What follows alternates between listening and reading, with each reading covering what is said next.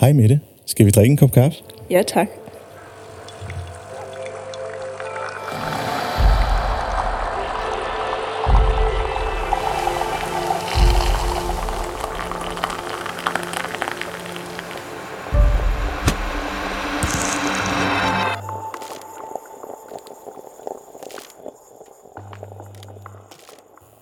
Hej alle sammen. Velkommen til podcastprogrammet Kaffe og Ledelse. Mit navn er Ejhan Gomes, og jeg er jeres podcastvært. I dag er temaet ledelse og familieliv. Med døgnets 24 timer kan det nogle gange være en kunst at få det hele til at gå op i en højere enhed og skabe en god balance i hverdagen. Særligt når grænserne for privatliv og arbejdsliv kan flyde sammen. Det er karriere, partner, børn, fritidsinteresser, digital tilstedeværelse, drømmehus og rejser – vi har mange ønsker og interesser og mål i livet. Ofte prøver vi at, at nå dem alle på samme tid og være fuldt til stede i alt, hvad vi gør. Men øh, det kan også godt nogle gange være en illusion, at øh, vi kan nå det hele og samtidig være ordentligt til stede i alt det, vi laver. Øh, med det grænseløse arbejde og den digitale tidsalder, vi lever i, så opstår der nye udfordringer. Også når der skal tages i betragtning, at øh, vi taler om balance i hverdagen.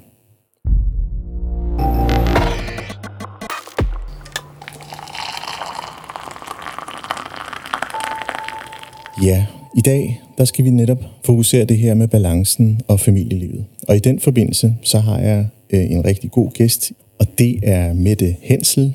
Velkommen til, Mette. Tak, Ejhan.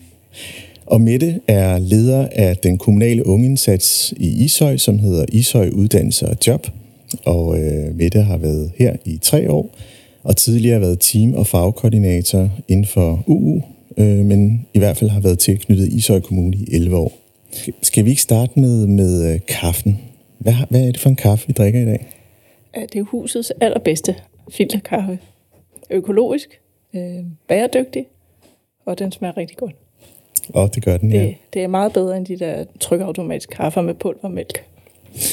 Ja, den smager godt, og, og der er dejligt varmt herinde her ja. i, øh, i lokalet. Øh, og jeg har sagt til Mette, at hvis jeg ligner en en danser fra Damhuskronen med svedperler, så må hun lige sige til. Øh, så må vi afbryde podcasten, og så må jeg have den til gode.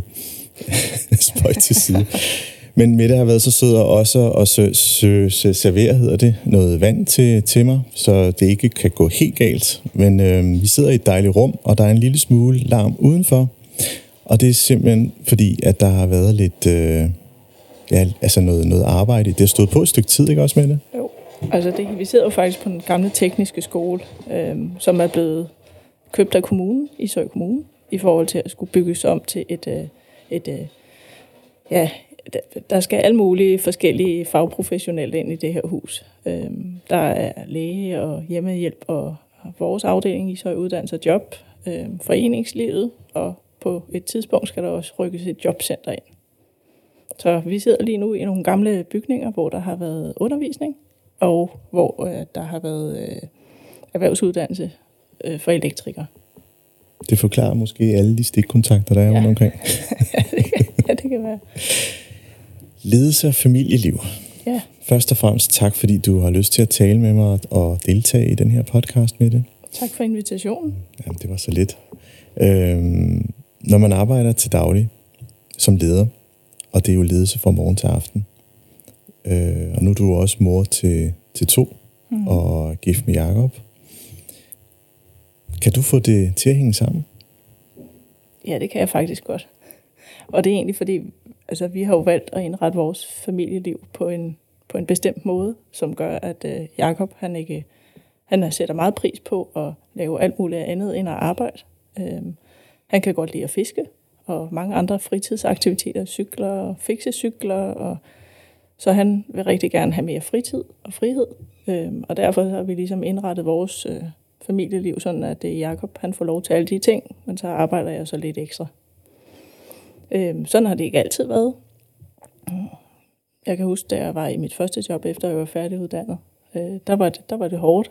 Øh, to mennesker fuldtidsarbejder, han var selvstændig, lige inden finanskrisen kom. Øh, og der var det svært at få tingene til at hænge sammen. Er det tilbage der i 8-9, eller? Ja, det har været i 11. 11, okay, ja. ja. Øhm, og der, altså, det, det var hårdt.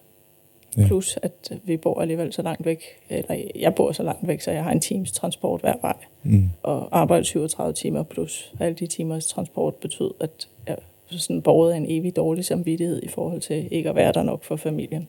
Mm. Og det var egentlig ikke som leder, men som helt almindelig medarbejder. Ja.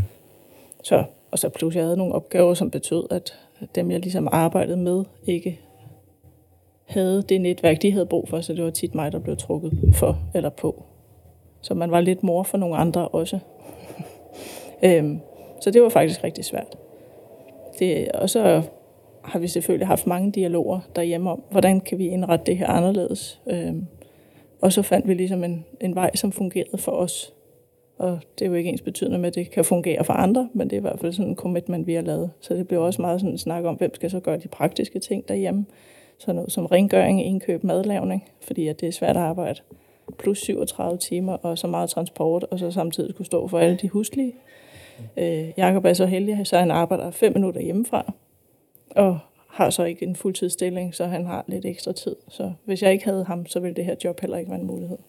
Ja, fordi det er lidt interessant, og vi har jo en lille god time til at dykke lidt, lidt længere ned i alle de her ting. Fordi øh, hvis jeg lige sådan må dreje øh, din opmærksomhed over til den her undersøgelse, som, øh, som øh, fagbevægelsen, eller fagorganisationen Lederne har, er kommet med, og den er så godt nok for 2015. Og det er jo den her med, med en bedre work-life balance. Og der, der siger undersøgelsen jo, at 49 procent af lederne med, i hvert fald med jobskifteplaner, ønsker sig et bedre work work-life balance. Mm. Og det vurderer de som vigtigt eller meget vigtigt. Øhm, når man sådan kigger lidt, så, så, så ser vi jo også nogle statistikker vise, at der har, i hvert fald for slutningen af 2021, at der også er mangel på gode ledere. Mm. Og, og det er jo sådan et, et interessant emne øh, at se, at på den ene side, så har vi en, en sammensmeltning af privat og arbejdsliv. Øh, der er i hvert fald en hiren efter en, en større fleksibilitet. Jeg synes, du kom sådan et kort ind på det her. Mm. Og så har vi et, en, en personlig hiren efter, øh, at der er en bedre balance mellem privat og arbejdsliv. Og til sidst og ikke mindst, jamen så har vi også et, et, et, et arbejdsmarked, der efterspørger mange og bedre og flere ledere. Mm. Øh, hvis vi lige skulle tage dit take på det her. Hvis man netop som dig ikke havde Jakob, som, som du så fint sagde der, øh, så ville det jo ikke hænge sammen. Vil, hvor, altså nu er det sådan meget øh, hypotetisk, men hvordan vil så virkeligheden så se ud for dig? så vil det være meget svært. Altså nu kan man sige, at mine børn er så store nu, så lige nu er det ikke et problem, fordi de er så selvkørende. Men jeg har da en dreng derhjemme, der stadig godt kan altså, stille spørgsmål og sige, mor, du er ikke så meget hjemme, eller når du er hjemme, så arbejder du, eller altså, så, så, så der er jo stadig nogen, der taler til ens samvittighed. Øhm, men, men det job, jeg har her, er jo også enormt fleksibelt. Så jeg kan jo godt selv vælge at sige i dag, medmindre der bliver indkaldt til nogle politiske møder eller udvalgsmøder, hvor man skal deltage. Men ellers har jeg mulighed for at selv at tilrettelægge mit arbejde i, en stor, i et stort omfang. Øh, og det betyder jo, som nogle gange kan jeg jo godt gå tidligere, så kan jeg sidde og arbejde hjemme et par timer om aftenen. Altså jeg har lige været igennem en, en lidt længere periode med en masse uddannelser, samtidig med, at vi har haft en masse omstruktureringer. Øh, vi har sagt farvel, eller ja, det kan man godt sige, sagt farvel til det forpligtende samarbejde med Vandsbæk Kommune, som har betydet, at vi har skulle have haft en masse virksomhedsoverdraget medarbejdere, øhm, og vi har også sendt nogen fra Ishøj til Vandsbæk. Og i sådan en øh, fusionsvirksomhedsoverdragelsesproces, så betyder det også, at jeg har en afdeling, hvis kultur ligesom skal sammensmeltes på ny. Øhm, og det har, det, det har selvfølgelig taget noget ekstra tid. Øh, det har taget mange snakke, både individuelt, men også øh, i medarbejdergruppen i forhold til, hvordan og vi er ikke færdige på nogen måde. Så vi skal i gang med, hvad er det, vi gerne vil med den her afdeling? Øh, hvad er vores visioner? Hvad er vores mål? Sådan så det bliver mere håndgribeligt og håndterbart for medarbejderne at være i. Og sådan så vi ligesom får skabt en ny fælles ramme. Fordi når der kommer nye til, så skal der også ske en kulturforandring, eller i hvert fald et fælles fodslag i forhold til, hvor man gerne vil hen. Ja, man kan jo sige et eller andet sted, at det er jo to organisationer, der skal sammensmelte, og der er jo forskellige praksiser for sådan noget som ferie, fri, øh, frokostordning. Der er mange ting, der er til for. Ja, øh, jeg ved det jo for min egen kommunale erfaring, sådan noget som bare torsdagsbrød, ja. Øh, ja. at der også er en helt ja. forskel. Ja, der er rigtig meget torsdagskage. Nå, øh, ja. men, men ikke så meget i min afdeling. Det, det er på en eller anden måde, så det er ikke noget, vi ligesom har taget med, men, men vi sidder jo som en, en lille afdeling løsrevet lidt for det jobcenter, som er i nogle midlertidige, øh, ja, hvad man kalder dem ikke barakker, det er ikke så pænt sagt, øh, men, men der er jo sådan nogle pavilloner, mm. øh, og der bliver jeg inviteret til torsdagskage hver torsdag. Ja. Øh, vi, vi, altså, og det, det er jo også en balance, det der med at skulle være sammen, øh, sammensmeltet et helt center for beskæftigelse og erhverv, samtidig med, at man er en ny afdeling, hvor der også er sket en stor kulturforandring og en stor forandring i opgaveløsning, fordi at vi jo tidligere ikke har haft myndighedsopgaver. Den er så kommet ind for første i første. Det har haft stor betydning for de uddannelsesvejledere, jeg har. Om nogen kom fra andre kommuner, hvor man følte, man var blevet slugt af en myndighed, mm. fordi det ligesom var det, der blev højeste dagsorden. Så jeg har stor optagethed af, hvordan sørger jeg for, at alle føler sig altså lige værd, ligegyldigt om man har myndighed eller ej. Ja. Fordi alle gør en stor indsats for de unge i Ishøj. Ja, fordi det, det, det ligesom også for kort at øh, underbygge det her med, at når man går fra at være vejleder og ind og skal snuse til forvaltningen og til myndighedsroller, så, så det kan jeg også huske fra min egen tid øh, som leder i øh, Ungeindsatsen i Glostrup, at, at, øh, at der er en transformationstid. Hmm. Øh, og hvis vi sådan, sådan kaster lidt lyset på dig der, også i din funktion som leder, også for nogen en ny leder, der dels kan indledningsvis have vejledere ind i en organisation, og så kan man sige nogle år efter en sammensmeltning mellem øh, Vandensbæk og Ishøj. Hmm. Øh, det, det må da også have krævet nogle lange aftener en gang imellem. Helt sikkert samtidig med, at man er i gang med en uddannelse ved siden af, som ja, jo også kræver noget. Så, så ja, arbejdstiden har i hvert fald ikke været på 37 timer. Ja. Og det var den heller ikke tilbage i 19, da jeg startede den her afdeling op. Øh, heldigvis med god støtte fra min tidligere centerchef. Øh, men, men det krævede mange, mange lange aftener. Og selvom at man gik tidligt hjem, så sad man og arbejdede derhjemme. Man arbejdede i weekend, man arbejdede, altså, det var jo konstant. Især, altså, du ved jo selv, at han, du har også ansat mange i løbet af din tid. Bare sådan noget med at ansætte tager jo ufattelig lang tid. Øh, processerne omkring det. Øh, og når man så starter en ny afdeling, hvor at man som Ishøj Kommune har valgt at prioritere det her, det er en, det er en vigtig opgave. Det betyder også, at vi, vi har nogle okay ressourcer til at løse den her opgave. Øh, så, så tager det bare tid. Og når man så samtidig er ny og ikke selv har stået med personaleansvar før, skal starte en ny afdeling, skal øh, vi fusionerede for, vi havde en anden afdeling i Ishøj Kommune, som blev lagt under vores, øh, som så skulle til at varetage nye opgaver, så det var også noget, hvordan fandt de deres sko. Vi havde fået et projekt Unge med Kant, øh, som er det EU-projekt, som øh, EUK ind i KL ligesom er projektejer på, øh, skulle også implementeres som noget helt nyt. Øh, fik en straksaktiveringsindsats, som også var ny. Øh, og ligesom at vi når at konsolidere os i alt det, så bliver der taget en ny lokalpolitisk beslutning om, at min afdeling skal deles. Øh, det vil sige, at jeg slipper alt det, der hedder uddannelsesvejledning for grundskolen, og at jeg fremadrettet vil have opgaver for 15-29-årige, og så får jeg beskæftigelsesdelen med for dem under 30. Øhm, så altså, sådan er det jo i en politisk styret organisation. Det kan også lige så vel for, for ministeriet, der kommer nogle, nogle ændringer om opgaveløsninger. Så, så vi har jo ikke nået sådan at konsolidere os i alt det, der var. Mm. Til at være klar til at modtage noget nyt. Så, så, så det er jo lidt over at starte forfra, kan man sige, og finde de nye løsninger, som giver mening i forhold til kerneopgaven. Ja, fordi man kan jo også godt allerede nu mærke, at øh, den ene opgave, den tager den næste, og sådan fortsætter det derudaf. Og måske kan, kan du også sidde med følelsen af, vi skal lige nå den her, så opnår vi en eller anden form for nirvana, mm. og tænker, nu, nu, nu er der harmoni. Ja. Eller er det en evig jagt? Jeg tror aldrig, man står stille. Nej. Altså, jeg tror, det er umuligt at stå stille. Altså, og selvom, at hvis man fjerner det politiske lag og så videre, så tror jeg aldrig, jeg vil stå stille. Fordi Nej. At, altså, jeg drives også af at udvikle. Øhm, og det har jeg også medarbejdere, der heldigvis gør. Øhm, så når vi ser noget, der kunne give mening i forhold til kerneopgaven, nogle nye initiativer, så, så driver vi det også. Altså, så det er den vej, vi går. Og det bedste er jo, når det kommer bottom-up, fordi så det er der, hvor det for alvor giver mening for kerneopgaven. Øhm, så jeg vil sige, at vi har en afdeling, som er meget styret af, og med det her nye, der nu er kommet først i første, så har vi også muligheder for at gøre noget og tænke noget andet. Øhm, så, så, så, så nej, stillestand er ikke en mulighed for mig, men det er jo så vigtigt, at der er stillestand i de små huller i løbet af hverdagen. at man også har tid til at stoppe op, reflektere, har tid til at stoppe op, måske sammen med sine medarbejdere og reflektere sammen Ja. og være sammen om at være. Og det er lidt interessant, fordi jeg, jeg holdt et, et oplæg for et gymnasie her øh, for et par måneder siden. Øh, den her følelse med, at, at, øh, at man ikke finder ro, før man har gjort ting færdige. Mm. Øh, som jeg, og det har jeg kun på, på, på ligesom egen kappe, at, øh, at det, det i højere grad ligger lidt i de nyere generationer af unge mennesker, at øh, nu skal vi runde den her af, fordi jeg kan ikke overkomme og, og flytte den her opgave til næste dag, og skal forholde mig til den en gang til. Øh, måske er det en gave eller et talent, man skal have som leder, også i forhold til work-life balance, at man netop forstår det her med, jamen, det slutter aldrig. Jeg når det, jeg når, og så bliver jeg også nødt til at, at sætte nogle ret klare grænser Mm. for, hvornår jeg vælger til.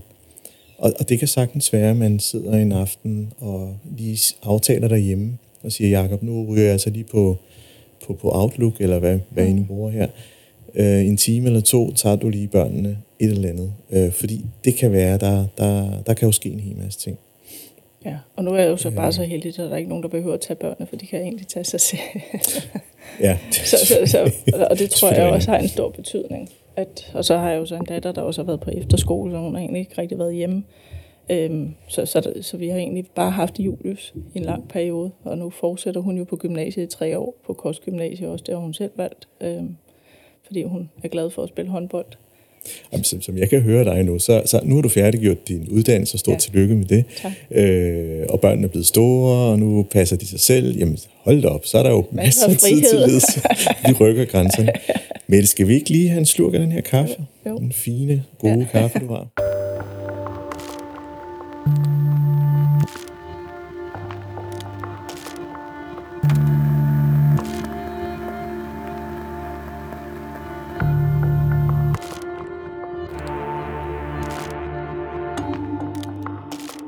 Når, når, der er sådan, når der sådan er mangel på, på den her balance, så er det jo også, mange taler om, at der, der kommer en stigende stressfaktor. Mm.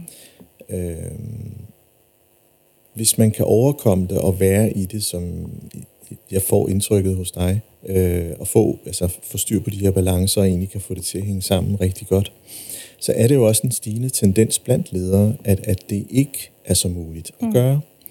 Og det, det kan der være rigtig, rigtig mange årsager til. Det, noget af det kan være individuelt, øh, med de rammer, man nu engang er i, i, i sit i familieliv, og i sin helhed som sådan. Men det kan lige så meget også godt være ens arbejdsplads øh, mulighed for at rumme, at man, man har nogle perioder, hvor man måske er mindre på, og mm. så er der andre perioder, man er mere på.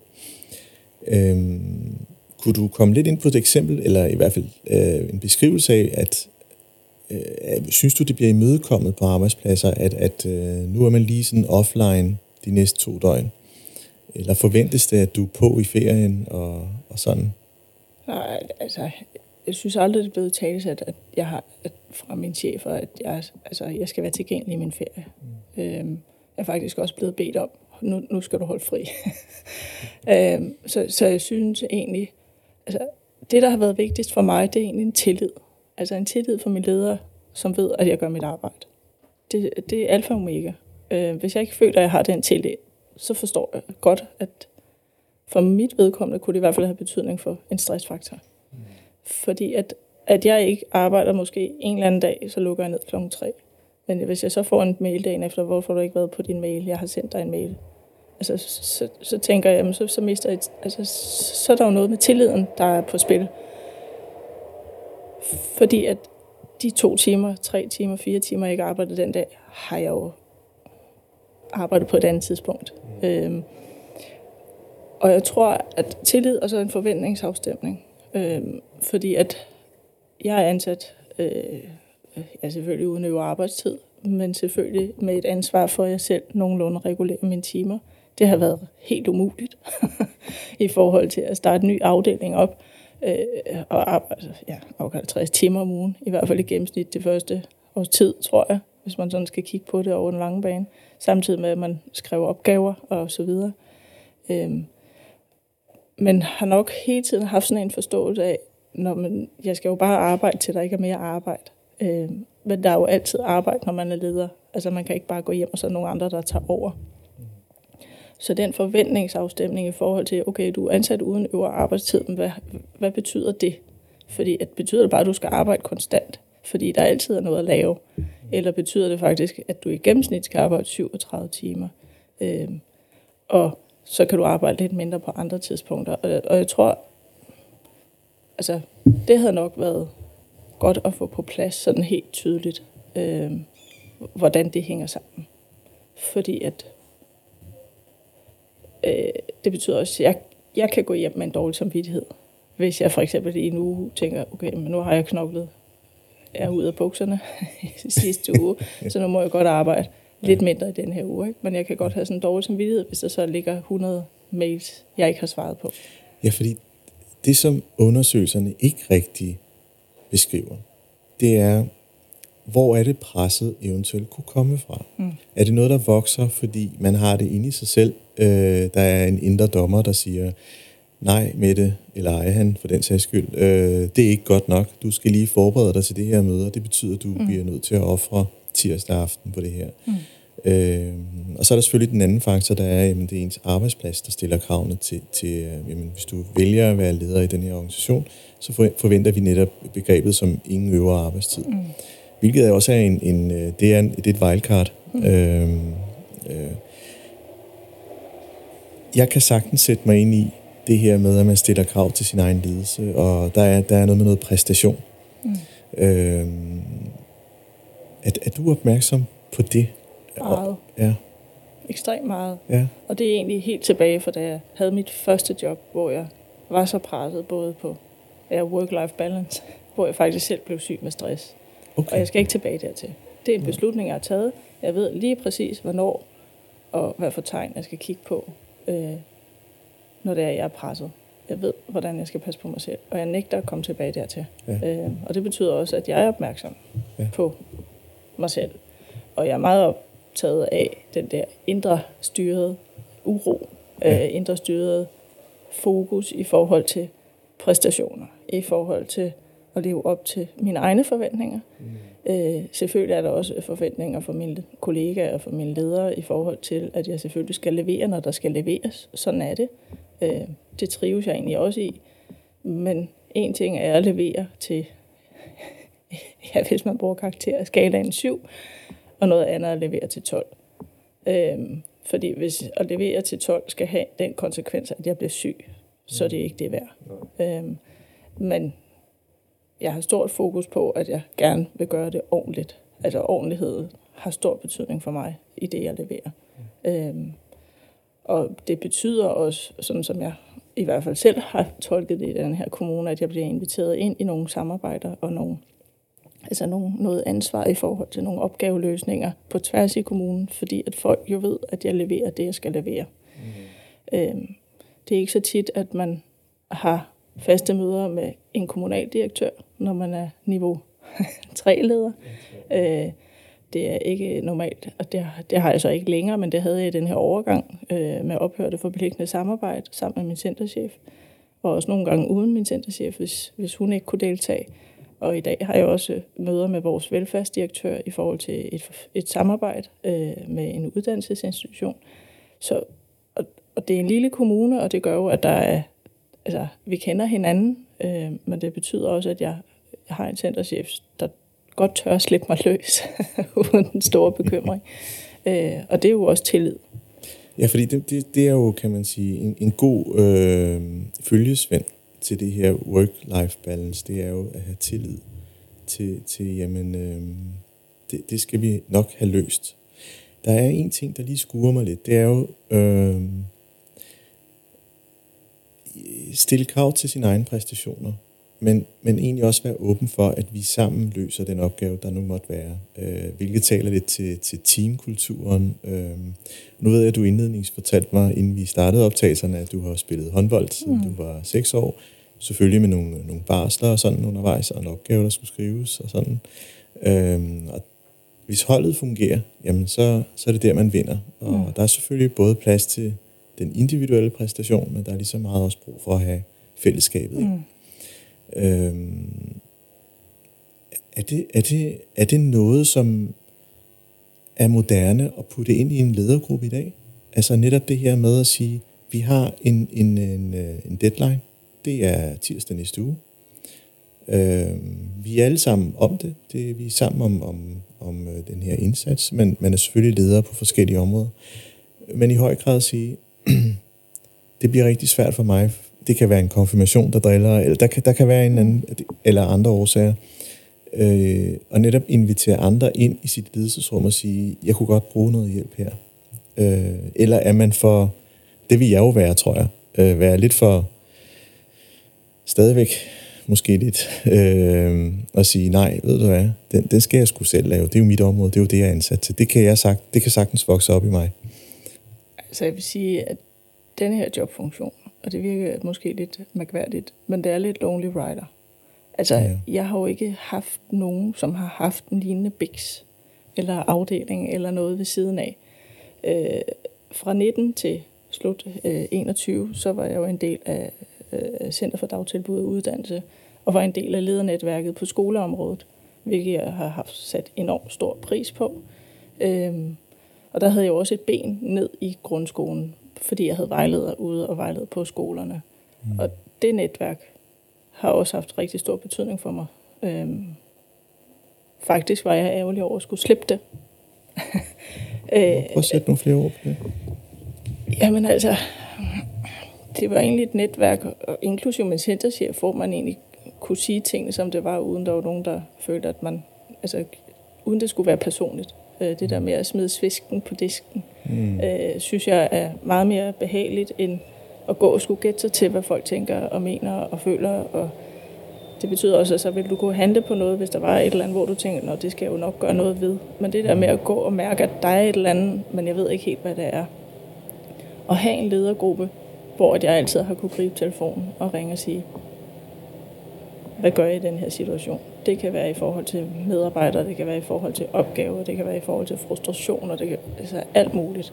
Mm. Øhm, og så har jeg haft en, faktisk får man, eller det gør man i hvert fald det center, en mentor, når man starter som leder, som var en del af den ledergruppe også, som jeg har brugt rigtig meget sat stor pris på.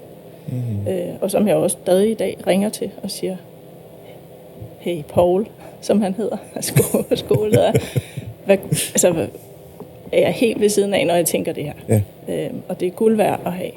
Øhm, hvor at når man, som vi så er skiftet sådan organisering nu her, første i første, så skal jeg jo lære min nye ledergruppe at kende. Jeg skal lære min nye centerchef at kende. Han skal lære mig at kende. Øhm, der er, vi har en, en vakant lederstilling, hvor der er en øh, sted, eller hvad hedder sådan en midlertidig øh, er stedfortræder. Ja, det er jo ikke en stedfortræder. Det er jo konstitueret, konstitueret ja, leder, ja. Øh, som jeg jo heller ikke kender.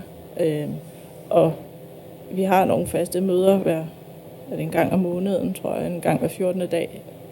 Men det er, jo, det er jo meget lidt, og det er ikke nogen, jeg har så tæt en relation til endnu.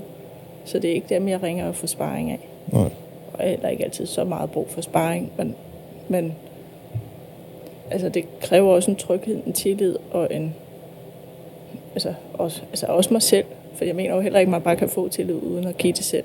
Øh, men, men det kræver jo et arbejde først, før at der er en relation. Ja, ja fordi jeg kan sagtens det her med øh, særligt nye mennesker, der starter man jo ikke som det første og siger, nu skal I høre, øh, det her det er skrøbeligt for mig. Mm. Øh, at tage, tage sådan et op, der, det kan jeg sagtens følge i, at der skal være en vis tillid, før man gør det. Mm. Øh, og, derfor så bliver tillid jo faktisk et ret bærende argument i, i alle relationer i dens mm. afskygninger. Både til, kan man sige, for din leder til dig, i forhold til at kunne, kunne navigere øh, i dit arbejdsliv. Mm. Øh, jeg får mig sådan til at tænke lidt, fordi mentorfunktionen er jo også noget, nogle, nogle arbejdspladser gør brug af. Øh, det er en ekstern, øh, det kan også være i forhold til supervision og andet, hvor man ligesom kan bramfrit tale frit, fordi der er ikke nogen relationelle ting, mm. der kan gå i stykker, eller man kan også teste noget af. Øh, er det mig, som du så fint mm. sagde til, til Paul, var det ikke dernede? Ja. Jo. øhm, så kan man jo være så fræk at sige, jamen, hvorfor er det så, det spørgsmål ikke bliver taget ind i ledergruppen? Er det, fordi det ikke hører til der? Nej, nej det tror jeg ikke. Øhm, nu, altså, jeg har jo også brugt Paul mindre og mindre, jo, det, jo mere erfaring jeg selv har fået. Øhm, og det, altså, det er også fordi Paul og jeg jo ikke har sådan nogle snitflader på samme måde længere, som vi havde før. Så, så, mm. så det er jo helt naturligt, at noget går i baggrunden. Ja. Men altså, vi, vi ønsker stadig at mødes og drikke en øl eller en kop kaffe og så videre i efter arbejdstid, sammen med en anden, som han også har haft som mentee. Ja. Øhm, men jeg tror ikke, det er fordi, det ikke hører til, for jeg synes, det er vigtigt, det skal høre til, fordi ellers så går du med det selv. Så, så et eller andet sted skal det høre til. Øhm, og heldigvis har jeg jo et rimelig stort netværk i Ishøj Kommune. Øhm, så altså, så jeg synes, det er vigtigt, det hører til, også i en ledergruppe. Mm. Fordi at hvis man ikke kan snakke om de ting, som er svære i en ledergruppe, altså, altså så tænker jeg, hvad skal jeg så bruge en ledergruppe til? Altså, fordi at alt det, der kører, det skal jo nok køre, mm. men, men det er jo udfordringerne, man har brug for. Det kan være noget fagligt, det kan være noget... Ja, jeg skulle lige lidt off i den her periode, fordi der foregår lidt på hjemmefronten, ligesom vi også siger, at vores medarbejdere skal have tryghed til at komme til os som ledere, så det er jo også vigtigt, at vi selv til vores ledere kan sige, eller vores lederkolleger kan sige, at jeg er lidt ved siden af mig selv i øjeblikket på grund af et eller andet. Øhm, men så jeg mener, måske lidt hårdt sagt, hvis jeg ikke kan bruge min ledergruppe til de, øh, til, til de tematikker, så synes jeg jo ikke, det er en ledergruppe, der er noget værd. Og kunne det være, er det en, en, en subjektiv betragtning? Ja, det ja. er det. Altså, øh, som der bliver sagt i rigtig mange fagbøger, det her med, at man kan jo ikke, du kan hive lederen ud af mennesket, men du kan ikke hive mennesket ud af lederen. Ja. Altså, og det, det gælder jo også for vores medarbejdere. Vi har jo altid noget at selv med på arbejde hver dag. Det kan godt være, at vi ikke er person eller private, men jeg kan ikke gå på arbejde og ikke være person. Lad os tage en slurk kaffe, ja. øh, fordi ude bagved, som I formodentlig ja. kan høre, så er der godt gang i øh, både lastbiler og S-tog og ja. Så nej, lad os få en kop kaffe. Ja.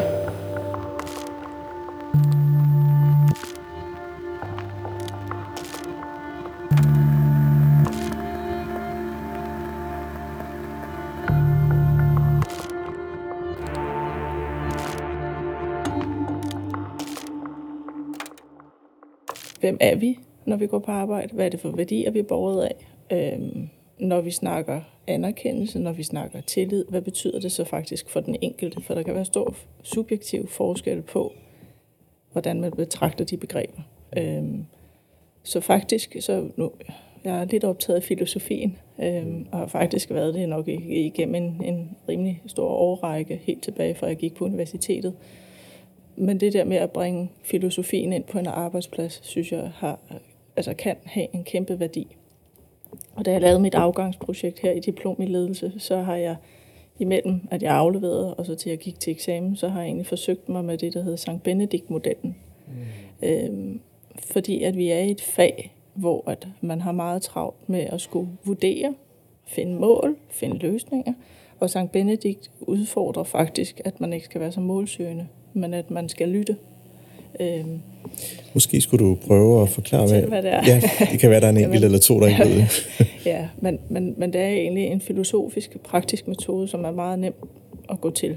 Øhm, selvom at man tænker, at filosofien den er sådan meget uhåndterbar, så er den her metode og andre metoder faktisk ret værdifulde. Øhm, og det betyder, altså det, metoden er egentlig det, at man finder et tema, som man i fællesskab ønsker at drøfte, fire til seks personer, øh, det kan være øh, ja, det kan være et begreb som tillid, for eksempel. Det kan være et begreb som ledelse. Øhm, og så er man fire til seks personer. Øhm, så øh, det emne, man nu vælger, der sidder man så og er stille sammen i tre minutters tid, tænker over det emne. Øhm, og så er det den yngste person, der skal tale, og det er helt tilbage til dengang, øh, hvor det var yngste munken, der skulle tale først, fordi yngste munken blev betragtet som en, der havde mulighed for at byde ind med nye idéer. så det ikke var ældste munkene, der sad og havde alle svarene på det hele. Sådan har vi gjort i 20 år. Ja. Så, ja. øhm, så yngste munken starter og taler lige ud af posen i forhold til, hvad tænker man om det emne, som man i gruppen har valgt, man skal tale om. Og imens, så skal man ikke øh, nikke anerkendende, ligesom vi sidder og gør nu. man skal egentlig prøve bare at lytte. Øh, det vil sige, at der skal ikke vurderes. De andre må ikke tale, mens personen taler.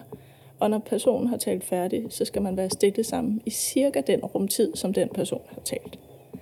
Og så begynder den næste så at tale, når man vurderer, at nu er vi nået dertil, hvor det er min tur. Øh, man skal ikke vurdere på det, der er blevet sagt. Man kan godt sige, når ej han siger, så kommer jeg til at tænke på, eller for mig betyder det, eller på arbejde betyder det sådan her for mig, derhjemme betyder det sådan her, hvis der er en forskel. Øhm, og så kører man en runde af sådan 3-4 gange eventuelt, hvor man behandler det her emne. Og så slutter man til sidst og laver sådan en, hvordan var det så? Hvordan var den her samtaleform? Og der havde jeg faktisk en seance med en gruppe medarbejdere, som så for nogle er det jo udfordrende, fordi at vi er i et felt, hvor man har travlt med at skulle vurdere og netop have fokus på målet og løsninger osv. Så, så det er jo en øvelse, der kræver øvelse. Øh, det er ikke noget, man bare sætter sig ned og gør. Det, det, det, det er anstrengende, fordi at man i sin hjerne ikke hele tiden skal sidde og tænke, nu siger ej han sådan her, nu skal jeg huske at sige det her, når ej han, han er færdig. Mm. Øh, men det der med faktisk bare at lytte man kan undre sig i fællesskab øh, efterfølgende. Øh, og de har faktisk sagt, at det kunne de godt tænke sig mere af. Øh, så derfor så er planen egentlig, at vi laver sådan nogle seancer sammen. Øh, og så er min hensigt egentlig, at vi skal prøve det også på en personaledag, hvor vi nu skal i gang med at snakke om, hvad er det, vi vil med den her afdeling. Selvfølgelig har vi en politisk modsætning, den skal vi selvfølgelig, det er jo ikke sådan, at man bare kan gå fuldstændig modsat retning. Øh, men det der med at give sig tid sammen med sine medarbejdere, og også at jeg som leder kan stille mig der sammen med dem, og ikke stille mig sårbart, fordi det er jo ikke ens betydende med det er, men, men, men det her med, at jeg er også et menneske, jeg er også borget af nogle værdier og nogle tanker omkring nogle forskellige begreber, øh, er enormt vigtigt, fordi jeg synes også, det er vigtigt. Jeg, lige så vel som de giver noget af sig selv på deres arbejde øh, i relationerne med de unge, så skal jeg jo også give noget af mig selv i relation til mine medarbejdere. Det, det lyder meget spændende, og stillhed er jo faktisk ret svært at være i, når man sidder i en gruppe, der ikke siger så meget. Og mm. det er jo helt, det, det er jo vaner omkring mm. mødekultur og andet, som jamen, så er der, nu skal vi være stille i tre minutter. Ja. Det, jeg kan huske det, dels for min, min uddannelse her sidste år, som jeg gennemførte, men også i det hele taget med de her evige mindfulness-kurser, som mm. øh, nogle gange havde sit indtog øh, på arbejdsmarkedet hver mm. 10 år siden hvor, hvor der var faktisk flere, der havde svært med at sidde stille mm. og forstå det. Mm. Øh, sådan, nu har I prøvet det. Mm. Hvad vil din, altså, hvad er din sådan, oplevelse af den, den mærk, mærkbare forskel i forbindelse med det? Altså, jeg har kun prøvet det én gang, men der var i hvert fald et par stykker, der sagde, det her det har jeg savnet i mit arbejdsliv. Det her med bare at kunne få lov til at lytte. Mm. Øh, og der kom alle mulige gode idéer om, kunne man bruge det til som noget sagssupervision. Og, altså, så vidste vi ligesom formålet med metoden, men, men man kan jo godt selv udvikle en metode, som giver mening i forhold til praksis, og så kan man have den her metode ved siden af. Mm. Øh, og så stadig bruge den som den originale Sankt Benedict-metode. Øh, men, men jeg tænker, fordi vi altid, altså, i, i de her fag med mennesker, vi snakker altid om anerkendelse, og det skal give mening, og det skal, altså, og, og, og det skal det også og det skal det også være anerkendende. Men, men hvad betyder det? Altså, hvad betyder det for den enkelte? Fordi anerkendelse for mig og for dig kan være to forskellige ting. Og hvordan vi ønsker anerkendelse, kan i den grad også være forskellige. Og det er jo noget af det første, jeg oplevede, da det var, at jeg havde mine første mus-samtaler, øh, da jeg talte med medarbejderne i forhold til, hvordan ønsker de at blive anerkendt? Altså, der kan være nogen, der ønsker, at man ikke siger noget, fordi bare det, at man ikke siger noget, betyder, at man har tillid. Mm. Øh, nogle har brug for at blive anerkendt, hvor der sidder andre og hører, at man får den anerkendelse. Nogle har brug for, at man lige kommer hen og siger, det skulle godt gået, øh, godt arbejde. Øh, nogle har brug for, at anerkendelsen sker igennem andre, det vil sige, hvis de har udført et rigtig godt stykke arbejde et eller andet sted, at man så får at vide, at en anden leder er kommet til mig og sagt, det der, det var, det var helt super fint. Øh, det var rigtig godt gået af en eller anden medarbejder. Så der er jo stor forskel på, hvornår man føler sig anerkendt. Øh, hvis man anerkender for meget, så tænker jeg, så ender de i en ros, og så bliver det kunstigt. Øh, så det er jo også en balance af, hvad jeg synes er anerkendelse over for mine medarbejdere. Så derfor er det jo vigtigt, at vi kender hinanden. Fordi ellers kan der hurtigt ske alle mulige misforståelser og forviklinger, som kunne undgås ved, at man havde talt sammen om, hvad betyder anerkendelse. Ja, fordi altså, det, det du egentlig refererer til, det, det jeg kalder sådan glansbillederunden, mm. hvor man egentlig fremstiller alt det gode. Ja. Øh, ja. Hvis du udskiftede personalegruppen, dine medarbejdere, mm. med din ledergruppe, vil du synes, det vil slå igennem på samme måde? Det må du lige uddybe. Ja, hvis du brugte metoden ja. øh, med din ledergruppe i stedet for, at, øh, at nu sætter vi os og lytter mere, end vi taler. Øh, det ved jeg ikke. Men ja, altså det, det er jo klart en metode, der kan bruges i mange forskellige arenaer. Så ja, altså det, det vil man jo godt kunne, med det, altså jeg tror, jeg vil heller ikke være bleg for at foreslå det. Ja. Øh, men, men det kræver, at jeg lige selv lige får ydet mig lidt først. Jamen selvfølgelig, og igen det med præstation. Ja, ja. Fordi det er jo en interessant forandring, som du har, du har skabt i, øh, på din arbejdsplads. Nu er det sådan en gang, så vi ja. drager de vildeste konklusioner ja, ja, ud af den. Ja. Og, og jeg kan jo lide det. Altså, det er ikke nogen hemmelighed. Øh, stilhed kan noget. At man ikke tager sin impulsiv første indskydelse og fyrer den af. Mm. Øhm, og nogle gange, så, så har vi også nogle gange godt af at, at lige være i det, der kan være svært. Præcis. Øh, absolut. Og det, det er jo, altså... Altså, der er, jeg, jeg kan ikke huske, om det er Camilla Slyk, som siger det der med, at hvis vi, hvis vi kan hjælpe hinanden med at være i det, der er svært, så hjælper vi også hinanden med at leve det liv, vi lever. Så smukt formuleret. Jeg kan ikke lige huske, om det er præcis det citat. Øh, men, men altså, jeg synes, det er vigtigt, og jeg synes det faktisk, at filosofien tilbyder faktisk nogle andre muligheder øh, i forhold til at være nærværende over for sine medarbejdere, end for eksempel den systemiske teori, mm. som jo er optaget af det relationelle og konteksten, øh, ja. og alt det udenom. Så kan det være, at der er nogen, der modsiger mig, at, at der, der er også meget mere, og det er der også. Men, men jeg synes bare, i forhold til work-life balance, i forhold til, når man ser, hvor mange der går ned med stress øh, og så videre, så tror jeg faktisk, at filosofien tilbyder noget, som nogle andre ikke tilbyder. Fordi det næste ord må jo så være nærvær og, og, og være nærværende. Ja. Om det så er hjemme i familien ja. eller, eller på sin arbejdsplads. Ja. Øh, som, som i forlængelse af hele tryghed, som var ligesom den første, eh, undskyld, tillid, det var ja. det, du sagde. Ja. Øhm, ja, jeg, jeg kan så meget genkende det selv, øh, og jeg har sådan en, en, en ting hjemme, når, når jeg kommer ind ad døren, så har mine, jeg håber ikke, de lytter til det her program, det gør de jo nok, mine to piger, de har det med at fortælle deres dag i det øjeblik, jeg træder ind af, af døren. Og, og, og det er ikke, jeg, jeg uha, det, det kræver en lille smule omstilling. Man skal lige lande. Mm. Øhm, og så har vi den aftale om, at, at 30 øh, minutter, giv far 30 minutter, og så hit me. Ja. altså med, med alt, der nu kan være interessant. Ja. Øhm, jeg synes, det stiller også nogle krav til lederen og personen bag. Mm. Fordi at du kommet frem til det, det skyldes jo dig, altså din, din, din person, og, mm. øh, men også måske også kombineret med noget uddannelse, du har taget.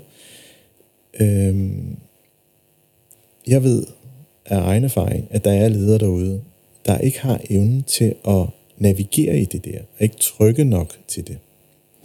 Hvad vil din øh, anbefaling være hvis du sådan skulle sige, det her, det, det tror jeg på, fordi det, det er det nyeste nye. Det er det, som er fremtiden. Mm. Hvis vi sådan skulle prøve at komme i nogle anbefalinger. Altså, jeg tænker jo, at Morten Altbæk er jo enormt optaget af det. Der har været det i de sidste par år. Han har jo også kørt rimelig hæftig karriere race, og nu stoppet op og, og kigget på, hvad, altså, det der med at gå på arbejde. Du bruger så meget tid, faktisk største tiden af din vågne tid for de fleste på en arbejdsplads. Så skal du være på en arbejdsplads, hvor du bare skal produceres. Øh, hvor vi tænker, ja, HR, human resource, at folk er bare ressourcer, i stedet for at kigge på, at folk er også mennesker. Øh, så hvordan er det, vi får de der altså, hvordan er det, vi får den der meningsfuldhed ind på arbejdspladsen? Øh, det kan du gøre via den opgave, du er ansat til, fordi den også i sig selv kan give mening, fordi at, altså, vi er jo borget af sådan en hjælpe, hjælpegen her i denne her afdeling. Vi er her for at understøtte og hjælpe nogle unge mennesker ved at komme videre, det er meningsfuldt i sig selv. Men hvis du altid i dit arbejdskontekst skal give så meget af dig selv. Hvordan kan vi som ledere så sørge for, at du også får fyldt depoterne igen? Mm. Og det tror jeg, du kan ved at have lidt dybere samtaler. Ja. Øhm, og derfor er det også vigtigt, at vi som ledere, som jeg sagde før, ikke bliver private, men også er personlige. Fordi at hvis vi... Altså, vi skal også give noget selv. Altså, du kan ikke gå på arbejde og ikke give noget af dig selv, fordi at så bliver det på en eller anden måde kunstigt af min. Og så er der nogle andre, der synes, fordi det er jo en subjektiv følelse, øh, en subjektiv holdning. Der er jo nogen, der synes noget helt andet. At jeg skal ikke gå på arbejde og være privat eller personlig med, min, med mine medarbejdere. Fordi at det betyder noget i forhold til magtforholdet. Mm. Øhm, så altså, min anbefaling er jo bare, at man prøver det af. Så kan det være, at man finder ud af, at det, det var ikke noget, der fungerede her hos os. Så er det jo ikke, fordi man bare skal gøre det øh, under alle omstændigheder.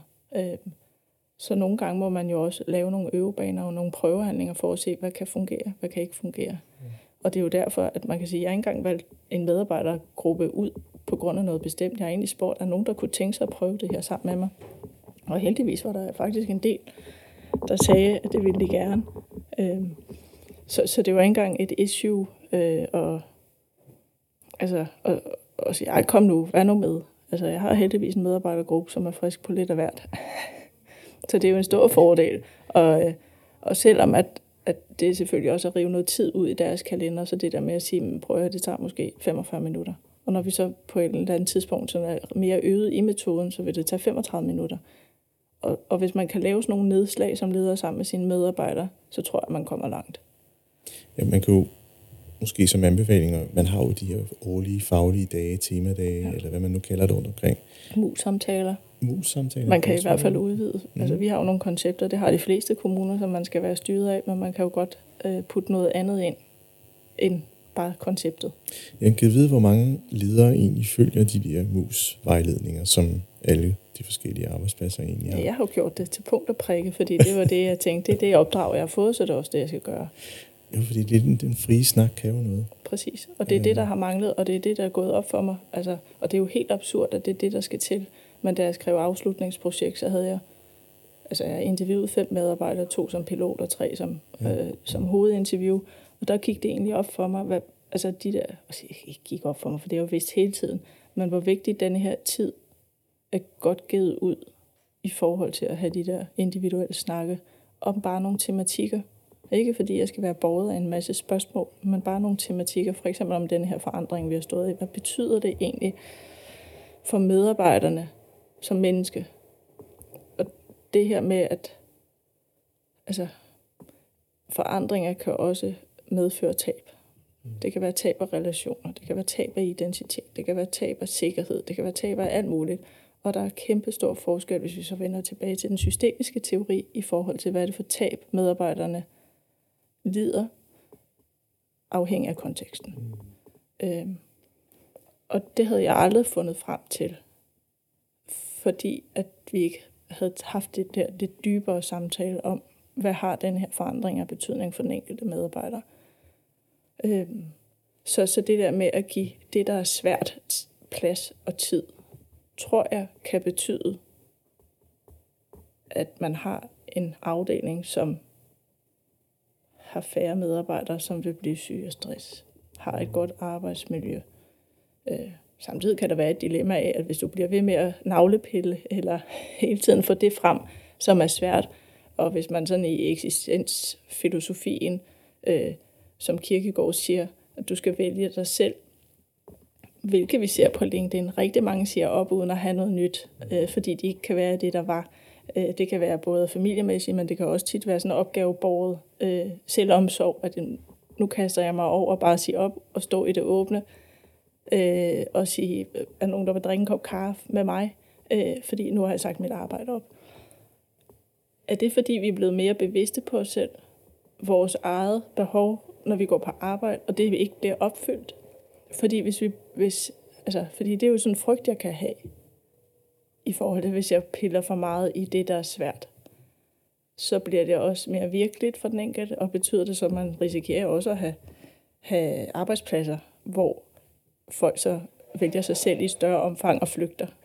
Mm. Så hvis jeg begynder at åbne for noget, så skal jeg også kunne understøtte medarbejderen. Ja, fordi... fordi ellers så slipper en masse løs, og så siger jeg, så ses vi bare i morgen, ikke? Ha' en god aften. Ja, for man skal jo ikke fremstille det, eller stå i den position, hvor man faktisk øh, stiller et spørgsmål, man ikke tåler svaret præcis, af. Præcis. Øh, og det kræver jo også, at hvis man ligesom tager tilbage til metoden og til, til konceptet, i det hele taget, øh, at øh, det her med at give plads og, og lytte. Mm. Jeg, jeg udfordrer rammerne en lille smule, ja, fordi jeg synes, jeg synes, det er meget spændende, øh, og jeg er helt sikkert skal lige hjem og læse noget mere om øh, Benedikt-modellen. Øh,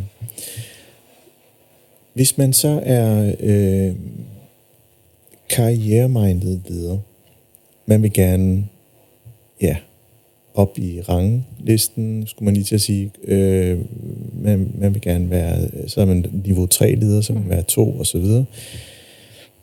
Øh, er der en risiko for, at der kan være et A- og B-hold blandt ledere, hvis, øh, kan man sige, for dem, der, der vælger at have en work, øh, altså work balance, øh, work-life balance, hvor de siger, jamen, jeg skal hjem og hente børn, og jeg, det er i min livsfase, så øh, den leder, som så er til stede og bare giver alt, hvad den kan trække. Vi to kan godt blive enige om, at det er den kortsigtede model. Vil det, vil det skabe et A- og B-hold? Nej, jeg tror, det, altså, det tror jeg ikke. Altså, der er jo nogle organisationer, hvor det er bare fuld fart frem, og hvor det er koldt. Men altså, jeg tror bare, at så er det, vi risikerer, at der er flere, der bliver syge. Ikke kun ledere, men også medarbejdere til de ledere. Fordi hvis det er det, man er borget af, så er det jo som regel også det, der, der rører ned og siver ned igennem medarbejdergrupperne. Jeg tror ikke, man får et A- og B-hold. Jeg tror bare, at, og det, det er jo også noget af det, der vinder mere og mere frem. Jeg tror bare, at man bliver bedre til at stoppe op og reflektere over tingene. Øh, og til, altså, hvis du konstant går på kompromis på grund af lovmæssige øh, forandringer, hvilket jo altid skal opfyldes, øh, eller på grund af små forandringer, eller på grund af, øh, man får en ny leder, man ikke kan sammen med, eller man får en ny leder, hvor at, øh, jeg ved ikke, hvordan jeg skal forklare det, men, men hvis du konstant går på kompromis med dig selv, så knuser du noget dig selv hele tiden. Du ødelægger lidt af din identitet, og på et eller andet tidspunkt, hvis du ikke stopper op og siger, hvorfor er jeg i det her? Så tror jeg, du kan ende der, hvor du godt kan blive syg med stress. Men det er fordi, jeg tænker, her vælger jeg at gå efter 12-tallet, som du så fint sagde. Ja. Men det vil så betyde højst sandsynligt, at, øh, at måske stress, eller i hvert fald, eller hvis man ikke har haft det før, så kender man jo ligesom ikke, før man har prøvet det. Men så opnår man så det, man gik efter. Netop, at man, at man bliver opnummeret, eller får noget større ledelsesansvar, eller får noget mere magt i den organisation, man er i. Og så bagefter kan man jo så bare slippe tøjlen, for nu har man højnet det, man skal. Øh, så har man fået sit 12-tal. Og så er det egentlig okay, og så kan man jo godt snakke om work-life balance. Det, jeg taler om, det er konkurrencedelen. Altså, øh, der er ingen tvivl om, at, at at vi er i konkurrence også med livet. Altså, øh, så, jamen det her med, hvis, øh, det kan for min egen vedkommende, når man så bliver gift, så går der ikke nogen år, eller går der ikke mange år før familien tror, om, kommer der så en lille bebs ud af den, og senere i livet så finder ud af, at alle skal ud og gennemføre en Ironman, eller skal løbe et maratonløb, eller, altså det er sådan bare inden for den private ramme. Og, og man skal, og det kan være, det er en indre Øh, det er simpelthen det vokser, og det er et indre pres, øh, og noget af det kan være et ydre pres. Øh, ydre pres kan jo være, ligesom dengang jeg tog diplomuddannelsen, at der simpelthen sad nogen i rummet, der sagde, jeg er her, fordi jeg skal. Og ikke fordi jeg har valgt det til. Og det er simpelthen fordi, at øh, min organisation kræver, at alle skal tage en lederuddannelse. Det er jo noget af, i den grad et, et ydre pres. Øh, hvor indre presset kan være noget omkring præstationer, og, og det her med, at hvis jeg vælger at gå øh, nyt til vær, værks, hedder det, øh, så er jeg bange for, at jeg havner et sted, jeg ikke kan redde mig selv hjem som leder. Fordi jeg sidder jo egentlig og er navigatøren i det her rum. Øhm, og altså, din opfordring er jo, at jamen, prøv, prøv det i små doser, arbejde med det, øh, få noget, måske også den her anerkendelse er jo lige så meget, for mit vedkommende vil det være, lige tage den med en chef og sige, nu kaster jeg mig altså ud i det her projekt, så hvis øh, tillidsrepræsentanten siger, at nogle medarbejdere synes, det var helt gak, øh, så er det fordi, der var en mening bag, og ikke fordi, jeg har fået en mental nedsmeltning. øh, ja, ikke fordi der kommer noget spørgsmål som sådan, det er egentlig også en betragtning af det. Øh, jeg er meget enig i, at... Øh, at i takt med, at, at vi i mange, mange år har set øh, øh, stigende stress nærmest blevet en folkesygdom. Men nogle af de undersøgelser, som jeg egentlig også som forberedelse til, til den her podcast kiggede på, det er jo, at allerede øh, noget statistik tilbage fra 2005 fortæller lidt om, at ledere ønsker mere work-life balance. Det gjorde de så også i 2015, og det var ikke synderligt blevet bedre. Så der er jo et eller andet, der gør, at vi alligevel havner i den øh, i det adfærd. Øh, og nu kom der faktisk et spørgsmål frem i mit hoved, fordi hvad er, din, hvad er dit take på, at du tilfældigvis spotter en mail 22.15 en aften, hverdagsaften? Er du så typen, der svarer på den? Eller du vil gerne fortælle din organisation, din samarbejdspartner, at øh, du fravælger arbejdet på det tidspunkt, men vælger simpelthen at svare dagen efter i arbejdstiden? Øh, enten så svarer jeg, eller så svarer jeg ikke. Altså, og, og et, et svar om, at man ikke svarer, er jo også et svar. så jeg vil aldrig svare tilbage, at jeg kigger på det i morgen. Nej, men, nej altså simpelthen, du har set, men ikke svarer. Altså, du, du, du skriver nej, ikke noget. Det kommer an på, hvem det er, der skriver. Ja. Og det kommer an på, om det er fordi, at jeg ved, at jeg kan forvente, at der kommer en mail. Ja. Øh, fordi at hvis jeg ved, at der er en opgave, hvor at øh, det kræver, at der er nogle andre, der undersøger noget, noget og skal sende til mig, så er det jo fordi, der er en mening med det. Hvis, hvis altså, jeg er ikke den, der sidder hver aften kl. 22 og svarer på mails. Men ja, jeg har jo øh, på min telefon. Øh, så hvis jeg lige tænker, nu tjekker jeg lige, om der ligger noget, ja, så svarer jeg på det. Men det er ikke sådan, så jeg siger, at klokken et eller andet, der skal jeg lige tjekke mails. Og så er der perioder, når jeg ved, at jeg har noget, der frustrerer mig, så ved jeg, at jeg ikke skal kigge på mails om aftenen, for så kan jeg have svært ved at sove. Mm. Fordi altså vokser det der frustration i mig. Så det, det kommer meget an på en stemning og en opmærksomhed på, hvad det er for nogle opgaver, der ligger der. Øh, så, så jeg har ikke noget krav til mig selv om, at jeg skal svare på mails til klokken et eller andet. Men jeg vil gerne have lov at gøre det, der hvor det giver mening. Fordi at hvis, hvis, hvis det betyder for mig at svare på 10 mails en eller anden søndag aften, har betydning for, at jeg er mindre presset mandag morgen, så gør jeg det. Mm, mm. Så det er jo hele tiden en, en, en overvejelse i forhold til, øh, giver det mening? Mm. Øh, og jeg har aldrig haft en eller anden forståelse eller en forventning om, at jeg skal være på 24-7.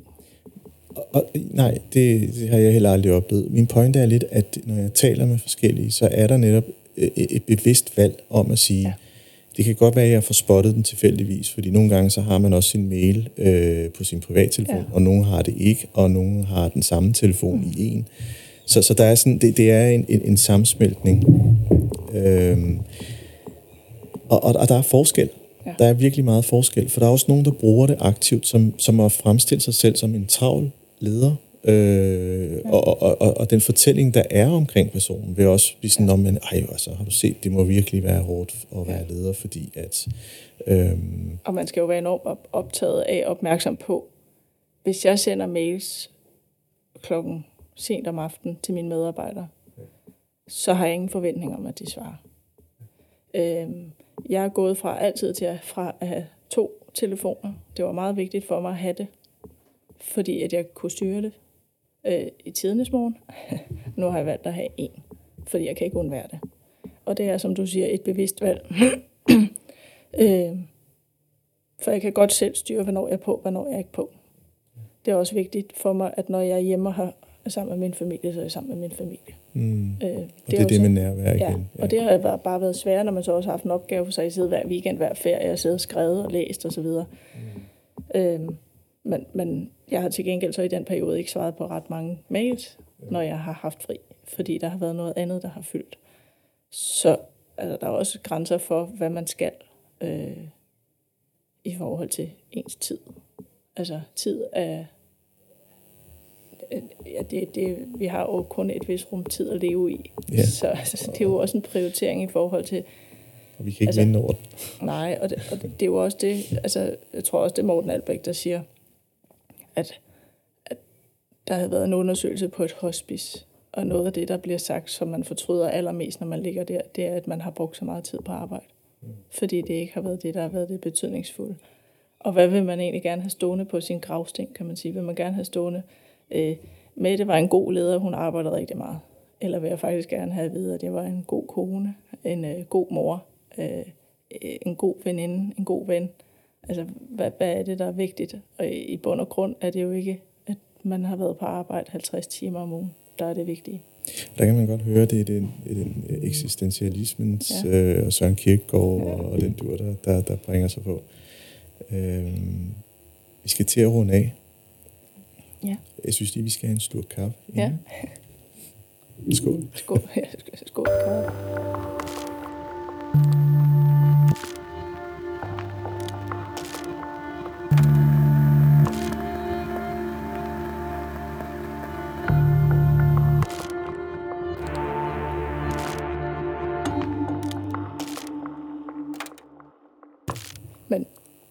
Hvis jeg må sige noget.